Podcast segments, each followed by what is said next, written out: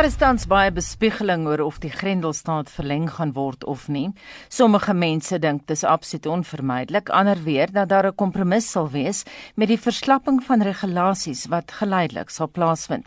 Ons wil vanoggend by jou weet en ons is seker jy het al daaraan gedink, wat is die heel eerste ding wat jy gaan doen wanneer die beperkings uiteindelik opgehef word? Stuur vir ons 'n SMS na 45889. Onthou elke SMS kos R1.50. Ek herhaal daai nommer 45889. Jy kan ook vir ons 'n boodskap stuur by facebook.com vorentoe skynstreep ZRSG of WhatsApp vir ons stemnota die nommer daar 076 536 6961. Ek herhaal daai nommer 076 536 6961. Dis nou 12 minute oor 6 jy luister na Monitor op RSG en volgens se koerant voorblaaie op Beeld en Volksblad beurtkrag dreig na inperking. Fase 3 is dalk ons voorland vir 3 jaar sê Chris Jelend. Die inperking het te skielik op Eskom afgekom sê hulle en die kragverskaffer was nie gereed om herstelwerk te doen terwyl die vraag laag is nie. Ook 'n berig oor tuisonderrig, konsentrasie en verlange pla en is 'n ding vir gesinne om aan gewoond te raak. Die burger volgende dag 25 groet Kaapstad met koeler weer en reën. Daar word ook gefokus op die beerdkrag wat kom. En 'n berig wat sê Mossel baie mense met Passera snoek verras. Die eienaar van die snoekman het vis aan inwoners uitgedeel wat sukkel. Internasionaal op bbc.com immigrasie na die FSA opgeskort weens die pandemie. Dit volgens Donald Trump. En die sakemagnaat Richard Branson smeek die regering om Virgin Atlantic lugredery uit te help en van ondergang te red. Hy gee self sy eiland as waarborg vir so lening. En dis vinnige oorsig van vanoggend se koerant voorblaaie en die nuus vanoggend. Na verskeie organisasies en besighede wat Woolworths, die Sakeliga en Vryheidsfront Plus insluit beswaar gemaak het teen die verbod op die verkoop van warm kos, het die minister van Samewerkende Regering en Tradisionele Aangeleenthede, Nkosazana Dlamini Zuma, dit gister benadruk dat geen klaargemaakte of warm kos in winkels verkoop mag word nie. En is ook so in die Staatskoerant gepubliseer. Ons praat nou met die Vryheidsfront Plus se hoofwoordvoerder oor handel en nywerheid, Jaco Mulder. Visser. Jaco, goeiemôre. Goeiemôre. Julle sê in 'n verklaring dat 'n onwettige bepaling nou deur 'n irrasionele bepaling uh, vervang word. Wat bedoel julle presies daarmee? Gustav, ja, om net vanaand op te som, minister Patel, die minister vir handel, nywerheid en mededinging het op 16 April aangekondig dat die verkoop van voorbereide voedsel verbode is terwyl die inperkingsregulasies nie daarvoor voorsiening gemaak het nie. Slegs alkoholbevattende produkte is verbied. Die VF+ en ander instansies het die minister toe maandag versoek om die flater op 'n dringende basis te herstel. Ons weet almal dat ehm um, sekere kettinggroepe en so voort wel voorbereide kos verkoop het tot op daai stadium. Die minister vir samewerkende regering, ehm um, Nkosazana Dlamini Zuma gaan toe heen en pas die regulasies aan om die verkoop van voorbereide kos uitdruklik te verbied met 'n publikasie in die staatskoerant gister.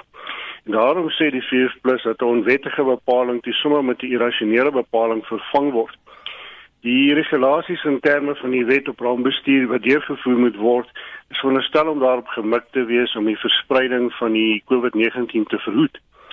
Ons weet dat baie van die mees kwesbare mense beskik nie eens oor die fasiliteite om kos gaar te maak nie en is heeltemal afhanklik van die aankoop van voorbereide voedsel. Jaco, wat presies is julle grootste probleem daarmee?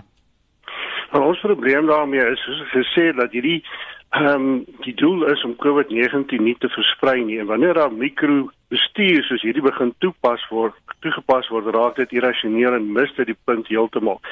Ons weet ook dat talle noodwerkers noodsaaklike wat noodsaaklike dienste lewer ook afhanklik is van voorbereide kos. En verder wil ons ook net sê dat dit nie uitgesluit is dat die betrokke ministers oortreding van die wet op mededinging moet gaan het in die proses. Weet julle hoe groot is die vraag uh of en die aanbod dan uh, na warm voorbereide kos? Hoeveel mense wil dit regtig hê? Nou ons moet onthou dat voorbereide kos anders as wat wat daar moontlike persepsie bestaan is nie noodwendig 'n luukse nie. Soos ek reeds genoem het, daar is talle van die mees kwesbare mense wat nie eens oor die middele beskik om voedsel voor te berei nie. Ehm um, ouer mense byvoorbeeld, ehm uh, mense wat op plekke woon, tydelike plekke wat hoegenaamd geen toerusting het nie en dan ook die noodwerkers. So ons sou sê dat dit wel dat daar wel 'n groot aanvraag is. Julle sê nou ook in julle verklaring dat die Vryheidsfront Plus die minister tot verantwoording gaan roep. Hoe gaan julle dit doen? Wel, soos ek genoem het, ondersoek ons ook die moontlikheid dat die ministers, die twee betrokke ministers, eh uh, bepalinge van die wet op mededinging oortree het.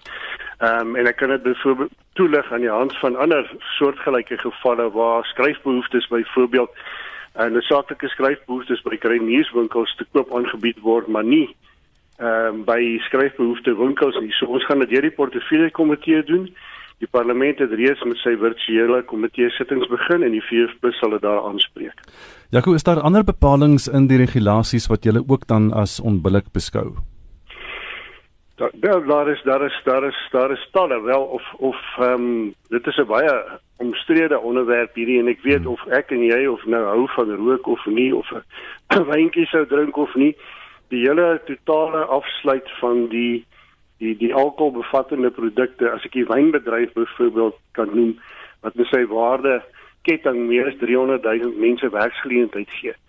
Dit is totaal onbillik om dit om dit volhoubaar ehm um, totaal en al te verbied en na mate inperkings verlig word moet daar byvoorbeeld gekyk daar word of of dit nie aangepas kan word of ligter gemaak kan word nie. Baie dankie dan dit was die Vryheidsfront Plus se hoofwoordvoerder oor handel en nywerheid Jaco Mulder. Die parlement begin weer van deesweek met sy werk nadat dit gesluit is as deel van die Grendelstaat om die verspreiding van COVID-19 te stuit. Personeel het van die huis af gewerk terwyl LPS gevra is om oorsig te doen op 'n manier wat veilig is en voldoen aan sosiale distansiering. Maar die instelling sal hierdie week tegnologie inspann om virtuele komiteevergaderings te hou. Celine Merrington het meer. Die parlement is in volle swang alhoewel in 'n ietwat ander gewaad en op 'n kleiner skaal. LP sal voorleggings van verskeie rolspelers ontvang oor hoe die land vaar met die bekamping van COVID-19. Agt komitees sal die week vergader deur van tegnologie gebruik te maak. Onder meer sal die gesamentlike komitee oor behuising, water en sanitasie en die verkose komitee oor samewerkende regering en tradisionele sake die portefeulje komitee toespreek oor hoe water en sanitasie verskaf word aan landsburgers, sowel as inisiatiewe om digbeboude gebiede soos townships beter te laat voldoen aan sosiale distansiering gedurende die inperkingsperiode. Die departement van samewerkende regering, gelei deur minister Nkosazana Dlamini Zuma, sal na verwagting meer inligting verskaf oor die onvoorsiene gevolge van die rampbestuurregulasies. Die voorsitter van die Hoër Onderwys Wetenskap en Tegnologie Komitee, Philima Polane, sê hulle verwag 'n voorlegging van die minister, Dr. Blyden Zemande, oor hoe hulle gaan probeer om die 2020 akademiese jaar te red. Our interest is how can we as a country make sure that we rescue the 2020 academic year in universities, in TVET colleges, and make sure that it does not go to waste. We know that the system of higher education is fraught with a lot of inequalities between the historically advantaged institutions and the historically disadvantaged institution. And we require a plan that does not perpetuate the colonial and apartheid inequalities that we have inherited. We also expect to receive a briefing from the minister on what are the efforts that have been undertaken by the Science Institute in the Department of Science and Technology to contribute towards combating the spread of COVID 19 Die gesamentlike komitee van verdediging sal ook vergader om 'n verskeidenheid kwessies, onder andere die briewe oor die ontplooiing van die weermag, die repatriasie van Suid-Afrikaners uit Hubei provinsie in China, asook die samewerking met polisie om wet en orde te handhaaf gedurende die inperkingsperiode. Zelin Merrington, Parlement. Jy luister na Monitor op RSG nou so 29 minute oor 6 in die DA stel voor dat senior bestuurders en uitvoerende raadslede van die eThekwini Metro in Durban 'n gedeelte van ons salarisse moet skenk om sopkombuise te help en kospakkies aan te koop. Die party sê verder arm inwoners moet 'n betalingsvakansie vir munisipale tariewe ontvang. Die DA het sy COVID-19 reaksieplan aan die burgemeester en waarnemende stadsbestuurder gestuur. Jean Estreisen doen verslag. Die DA caucus-leier in eThekwini, Nicole Graham, sê die metro se begroting moet aangepas word om fondse beskikbaar te stel om die COVID-19 pandemie te staai. The DA's proposal that we've put forward to the city leadership is that there be a reworking of the existing budget using the emergency provisions of the law, and that any projects that won't be finished or aren't essential are put on hold for the money to be used for the COVID response. We are also proposing that the 2020-2021 budget, which is currently out for comments, be completely reworked and anything that doesn't deal with the delivery of quality basic services, the maintenance and upgrading of infrastructure, protecting and supporting the local economy and jobs, and looking after vulnerable and poor people effectively be put on hold. We are moving into a crisis budgeting period, and we need to make a war chest of response funding that the city doesn't currently have available. Die senior bestuur moet ook 'n gedeelte van hul salarisse skenk. It's clear that leaders across the business sector are taking temporary salary cuts. I think that it's necessary for senior level municipal officials beyond the task grade 16 and executive level councillors like myself, full time councillors, also take a similar pay cut on a temporary basis to free up funds for relief in the city. Graham sê arm inwoners wat nie vir munisipale dienste kan betaal nie, benodig hulpverlening. We have proposed as the DA an application process for households whose incomes have been affected by the pandemic. And for households who qualify in terms of a means test, we believe that the free basic allocation of water and electricity must be doubled for an initial period of three months. No interest on arrears must be charged for that period. There must be a rates holiday for a period of three months with the rates payable at a later stage, and that there should be no disconnections during this time. We are also proposing food parcels and a doubling of the capacity of the soup kitchens to help people who are really finding themselves in a difficult position. It's clear from the data and from the announcements made by the Premier that eThekwini is in a very, very difficult situation and that the virus progression and death rate here are worse than in the rest of the country. So it's important that there be increased testing and increased mechanisms put in place to protect the people, healthcare workers who are involved in screening and testing. But it's also important that the Disaster Management Act and its provisions and the law, which protects the basic rights and civil liberties of people are also adhered to. Graham sê ook die verhoging in munisipale tariewe moet hersien word omdat sommige inwoners dit nie kan bekostig nie. Jean Estreisen, SA Kanis.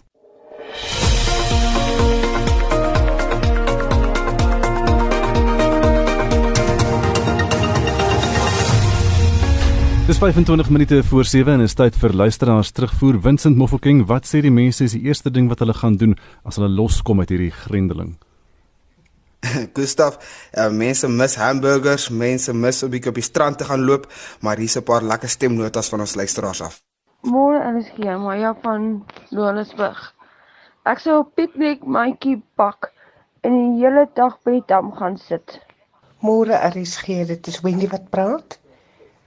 Wel, om die waarheid te sê, hierdie goeie oggend, moet ek vir julle by sê ek sal hier uitkom in vleiende vaandels en ek sal vir my kuif onmiddellik KFC koop.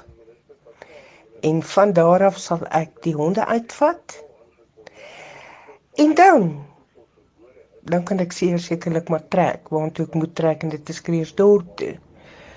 So dan sal ek dadelik beplan om jy weet te trek. En dit is wat ek sal doen. As die insluiting opgehef word, gaan ek na die naaste koffiewinkel toe ry en ek gaan die grootste cappuccino bestel en ek gaan vir 'n uur of 2 daar sit en dit geniet. Dan Gustaf Sonet Becker sê sy um, sy gaan op die strand loop, gaan daai oggend sommer 1 uur al daar wees en kyk hoe die son opkom met my voete in die water. Maak nie saak hoe koud dit is nie. Maar soos dinge nou staan, gaan dit nog baie baie lank wees en Amanda Botma sê sy gaan vir God dankie sê en laai my joggies in die kar en gaan dadelik strand toe en is 'n laaste een van Andre Human wat sê ek gaan my seentjie na speelplek toe vat en dan 'n milkshake drink. En so wil ons ook by ons luisteraars weet, wat is die heel eerste ding wat jy gaan doen wanneer die beperkings uiteindelik opgehef word? En hulle kan 'n SMS stuur na 45889 en dit kos jou R1.50 per SMS of gesels saam op facebook.com vorentoe skynstreep ZARSG en so jy kan hoor die stemnota speel ook lekker vandag. Stuur jou stemnota na 076 536 6961 en hou hom so 30 sekondes asseblief Daar's 'n paar goeie idees daar. Ek dink ek gaan ook 'n cappuccino drink saam met daai man. Ek het geweet, ek het gesien aan jou reaksie op jou gesig, die uitdrukking. In 2 uur gaan jy 2 uur vat om te Ja, in die koerant en alles daar se. Ja. 6:38 ons beweeg na die sportveld met Shaun Jooste. Ons begin met cricketnuus. Die Proteas se eendag en T20 toer na Sri Lanka in Junie is gister weens die koronaviruspandemie uitgestel, maar sal hopelik op 'n latere stadium geherskeduleer word. Die Proteas sou 3 eendag en 3 T20 wedstryde teen die Sri Lankane speel. Die eendag wedstryde sou al eerste van die IKR se nuwe eendag liga wees.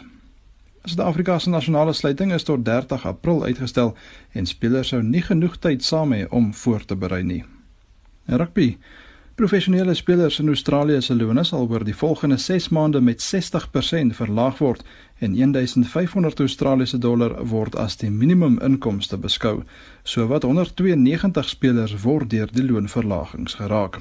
Die Australiese Rugby Unie het reeds 3 kwart van hulle personeel op onbetaalde verlof geplaas in 'n poging om die finansiële voortbestaan van die Unie en die sport te verseker. Volgens berigte in die media beplan die Europese rugbybase 'n tweede Ses Nasies toernooi in Oktober en November indien die jaareindtoer nie kan voortgaan nie. Die toernooi sal oor 8 weke gespeel word, maar die vier uitgestelde wedstryde van die huidige Ses Nasies toernooi sal eers teen einde September voltooi moet word. Indien die jaareindtoer voortgaan, sal Suid-Afrika tussen die 7de en 28ste November teen Italië, Ierland, Frankryk en Wales kragte meet. En laastens in sokkernuus.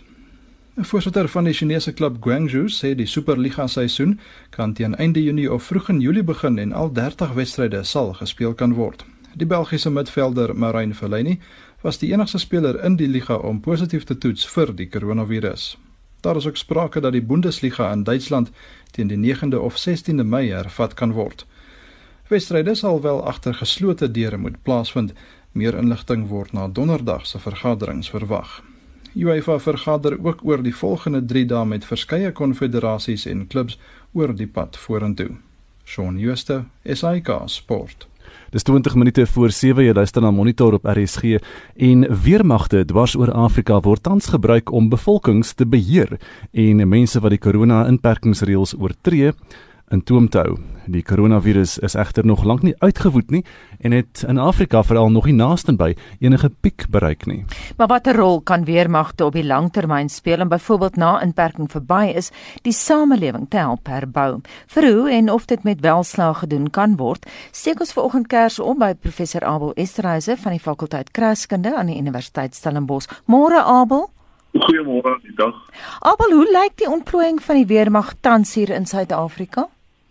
Kyk ons het nie 'n baie groot skaalse ontplooiing nie maar wat baie belangrik is om raak te sien is dat die ontplooiing van die weermag tydens die die koronavirus krisis tot 'n groot mate strategiese verandering in rigting en fokus is. Ons moet 'n gedagte hou dat daar 'n baie groot beweging was in die na 94 era om die weermag uit die binnelandse teater te onttrek en dit te fokus veral op vredesoperasies buitelands Ons het weliswaar gesien met die 20 wêreldbeker, 2010 wêreldbeker dat die weermag binnelands ontprooi word daarna op grensbeskerming, maar dit was nooit die binnelandse teater was nooit vir die weermag 'n uh, is strategies van strategiese aard en ek dink hierdie krisis het die weermag weer strategies teruggeplaas in die binnelandse teater. En daarom is hierdie ontplooiing van die weermag uh van soveel belang vir ons. En en daarom ook moet ons langtermyn kyk omdat ek dink ehm uh, hierdie ontplooiing gaan oor 'n lang langer termyn uitspeel en implikasies hê. Abel gaan nie weer mag onttrek word na die Grendeltydperk nou verby is. Jy weet daar was nou taamlik kritiek gewees op individuele soldate en hulle optrede teen mense. Ek twyfel. Ek uh, dis juist die punt wat ek maak. Ek dink ons het 'n uh, 'n strategiese rigtingsverandering gesien met die ontplooiing van die weermag hier. Ons is tot 'n groot mate in Afrika in 'n in 'n na in 'n post uh, peacekeeping era en ehm um, ek dink die nood binne Suid-Afrika gaan dood eenvoudig uh, vereis dat die weermag binnelands ontplooi moet bly. En uiteraard en dis baie interessant dat die dat die 2015 verdedigingsoorsig baie klem plaas as 'n beleidsdokument op Suid-Afrika as 'n ontwikkelingsstaat.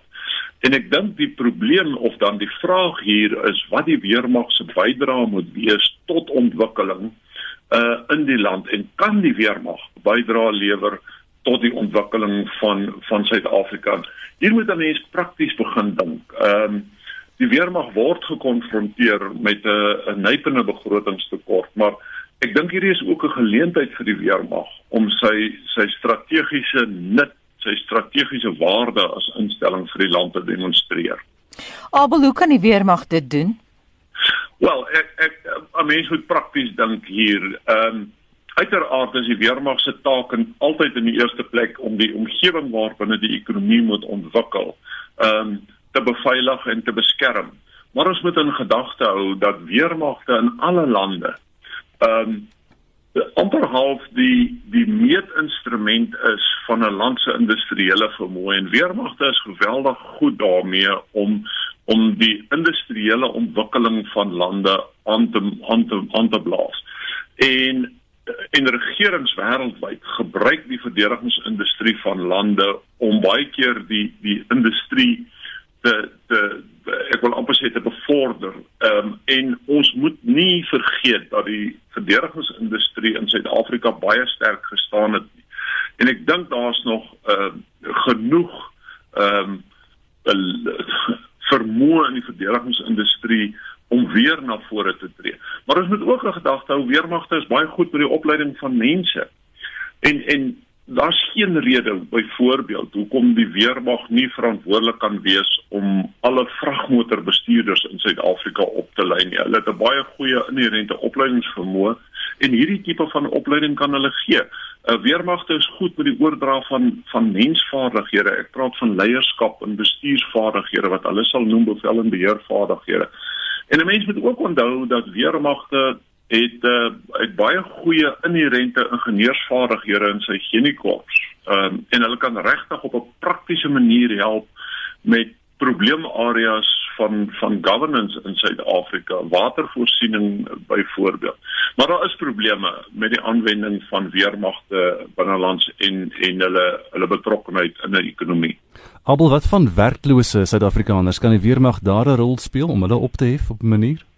Wel, ek twyfel nie daaroor nie. Dis juist hoekom ek verwys na die baie praktiese uh, rol, die praktiese rol wat die weermag kan speel om om net vir iemand 'n bestuurslisensie te gee kan, kan groot ehm um, vermoë om iemand ehm um, rekenaarvaardighede aan te leer. So die weermag het 'n baie baie sterk uh, opleidingsvermoë wat ek dink ons moet benut in die ekonomie en dit word tot 'n groot mate op die oomblik nie benut nie.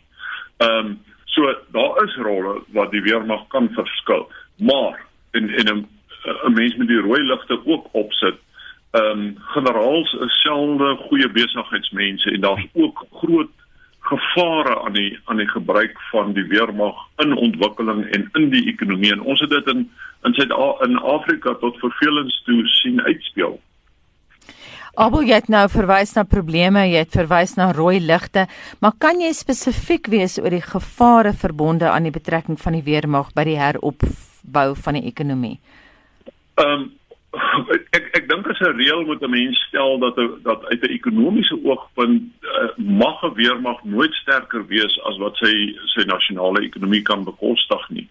En ook moet 'n weermag nie betrokke raak by ekonomiese aktiwiteite wat die wat die ekonomie ondermyn nie. Ehm um, kom ons stel dit anders. 'n Weermag mag nie sy eie belang bo die ekonomiese nasionale belang plaas nie. Die gevaar uh is altyd daar. Ons het dit in in Afrika gesien dat weermagte deur betrokke te raak in die ekonomie daar dikwels selfverrykingsagendas is, daar dikwels korrupsie na vore kom, daar al daar dikwels skandale, aankoopskandale en en ander skandale uh, na vore kom. So militêre betrokkenheid is daarom nie noodwendig uh, uh, of militêre betrokkenheid by die ekonomie is daarom nie noodwendig altyd goed vir die dissipline van 'n weermag nie. Ehm um, 'n weermag moet baie goed gedissiplineerd wees om hierdie goed na behoore te kan uitvoer anders lei dit tot korrupsie. Albei jy's nou krities oor wat in Afrika gebeur het, maar as mens na die geskiedenis kyk, byvoorbeeld die Amerikaners se Marshall Plan om die Duitsers te help na die Tweede Wêreldoorlog, waar anders ter wêreld, ek praat nie nou oor Duitsland nie, maar waar anders het die weermag al gehelp om 'n ekonomie te herbou? En ek praat ook nie van Afrika nie. Wel, ons het 'n pragtige voorbeeld in ons eie land in die 1930s, die die ehm uh, uh een een STB in Bloemfontein, uh twee STB in Bloemfontein is weermagte en en hulle name sê vir jou uh iets van die rol wat hulle gespeel het. Een spesiale diensbataljon in in in Bloemfontein is geskep in die 1930s. Ehm um, juis om hierdie tipe van goed te doen om daardie stadium arm Afrikaners te neem in die weermag in te bring en vir hulle ehm um, met met vaardighede toe te rus wat hulle weer in die ekonomie kan gebruik. Ehm um, in in in Amerika self as 'n mens gaan kyk wat het na die die Tweede Wêreldoorlog gebeur, hoe die ekonomie in die die die Amerikaanse weermag en die ekonomie self bygedra het daar, is dit ook 'n goeie voorbeeld. In Japan het ons dit ook gesien. So wêreldwyd Ehm um, selfs in Israel het die weermag 'n baie baie kritiese rol gespeel in die ontwikkeling van Israel as 'n staat. Ehm um, so dit dis 'n erkende rol vir weermagte dat weermagte bydra tot tot die tot die vorming van 'n land en tot die die ekonomiese heropbou van 'n land. Abel het nou verwys daarna die dissipline in weermagte. Wil jy vinnig kommentaar lewer op die stand van dissipline in ons weermag vandag in die geheel gesien deur al die range? Wel, ehm um, kom ek kom ek lewer kommentaar oor wat ons op die oomblik sien. Ons het 'n gedagte hou dat binnelandse ontplooiings uit 'n dissipline oogpunt geweldig moeilik is omdat alles gebeur onder die wakende oog van die publiek en en moet ek sê onder die wakende oog van die selfoonkameras. En daarom moet weermagte se dissipline onberuspelik wees. Ehm um, en ek dink ons weermag ehm um, daar was weliswaar uh, insidente wat daar nie moes gewees het nie. Die die teken van dissipline vir my en ons weermag ehm um, was nie wat plaasgevind het nie want sulke goed gebeur. Ehm um, maar hoe reageer 'n weermag daarop en hoe vinnig kry hulle beheer oor hulle mense om om dissiplinebreuke wat wel plaasvind aan te spreek en regstellings in te stel en net ek was nogal verbaas gewees oor hoe vinnig ons weermag opgetree het om juis die dissiplinebreuke wat voorgekom het vinnig aan te spreek en en die soldate ehm um, tipe van te dissiplineer. Ehm um, ons weermag dink ek sit met iets wat van 'n probleem omdat ons soldate nie gewoond is daaraan om op 'n positiewe manier met die met die breë publiek om te gaan nie dit is 'n instelling wat tot 'n groot mate homself geïsoleer het na die na die 94 era en so ons ons weermag sal moet begin bou aan 'n aan 'n aan 'n beeld 'n effektiewe beeld of 'n beeld van van 'n instelling wat effektief is En ek dink daar's probleme wat dit aanbetref. Dis nie net pro dissipline probleme nie, maar dis ook probleme met die beeld van die weermag as 'n instelling wat nie noodwendig altyd effektief is nie. En ek dink daar sit ons met 'n probleem. Geweldig baie navorsing is in Suid-Afrika gedoen oor die bestaan van 'n sogenaamde civil military gap. Uh, gap. Hmm. Met ander woorde, daar's 'n geweldige breuk in Suid-Afrika tussen die weermag en die samelewing.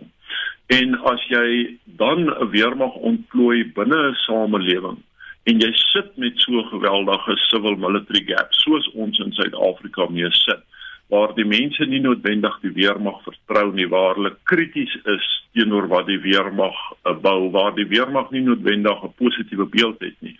Dan is dit dikwels baie moeilik vir die weermag om homself te handhaaf om homself ehm um, effektief te hou in die oë van die publiek. En ek dink daar's geweldig baie ehm um, werk te doen vir die weermag om homself as instelling ehm um, terug te plaas in die Suid-Afrikaanse samelewing. Abel baie dankie professor Abel Esterhuise is van die fakulteit krygskunde aan die Universiteit Stellenbosch. Inwoners van Lolly Suid van Johannesburg eis dat die Johannesburgse metroraad hulle huise herbou. Sowat 500 mense se huise is gesloop en hulle is uit die buurt gesit. Die inwoners sê hulle is nou haweloos na die uitsettingsoperasie verlede donderdag. Die Johannesburgse metroraad sê egter misdadigers het die Grendelstaat uitgebuit en grond onwettig beset. Die metro sê hulle probeer die soort onwettige besettings keer deur halfgeboude strukture te sloop. Hoewel die Johannesburgse Hooggeregshof teen die besetters in die informele buurt beslis het, dring hulle steeds daarop aan dat hulle huise herbou word. Hulle het in die strate betoog terwyl beamptes van die metropolisie toegekyk het. Die burgemeester, Jeff Makubo, en die LER vir menslike nedersettings, Lebogang Mahile, was aanvanklik tegemoetkomend, maar het later 'n strenger houding ingeneem wat die inwoners kwaad gemaak het. Hulle sê nou die regering het veroorsaak dat hulle niks het nie te midde van 'n pandemie. Right now, if we look among us, when the whole country is at a standstill because of the lockdown, they send the red ants. It hurts us because many people here don't have a place to stay. Small children, older people are also homeless. We have nothing. We are now forced to take in each other and let the people sleep in the very same small one room shack. We will find now where it was normally three people or four people, a four room place. Uh, four unit place, it is now been overcrowded with 20 people, which means that we are more vulnerable to this COVID 19 to be affected by it. We are hoping that this government that we voted for would come and assist us, mm. even now, to show that we are not people. But whenever they come and campaign, they come here in this very place to come and campaign so that we can go there and vote. But now we need relief. Die stad Johannesburg sê daar is wel 'n resolusie dat daar geen uitsettings tydens die Grendelstaat sal wees nie.